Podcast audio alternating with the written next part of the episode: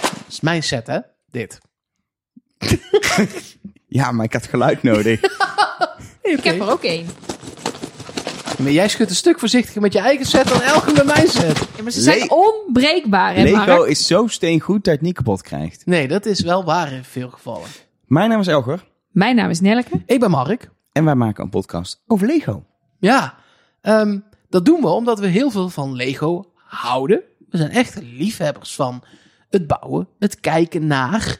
ehm, en eigenlijk ook wel En het alles wat ze doen vinden we fascinerend. En daar willen we ook meer over weten. Dus we hebben besloten om onze hobby uit te diepen via wat wij leuk vinden. Podcast maken.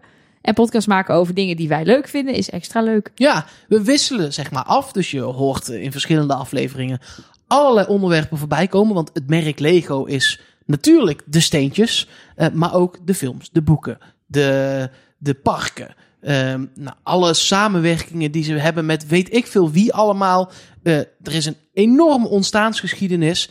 Ehm, weten wij nu al alles? Nee, zeker niet. Willen we alles weten? ja. Dus we gaan het hebben over de dingen die we al wel weten. We gaan ons dingen afvragen die we nog niet weten.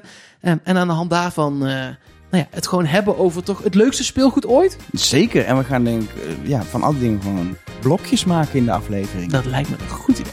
Vanaf eh, dinsdag 19 september Steengoed, de enige podcast die bestaat uit blokjes.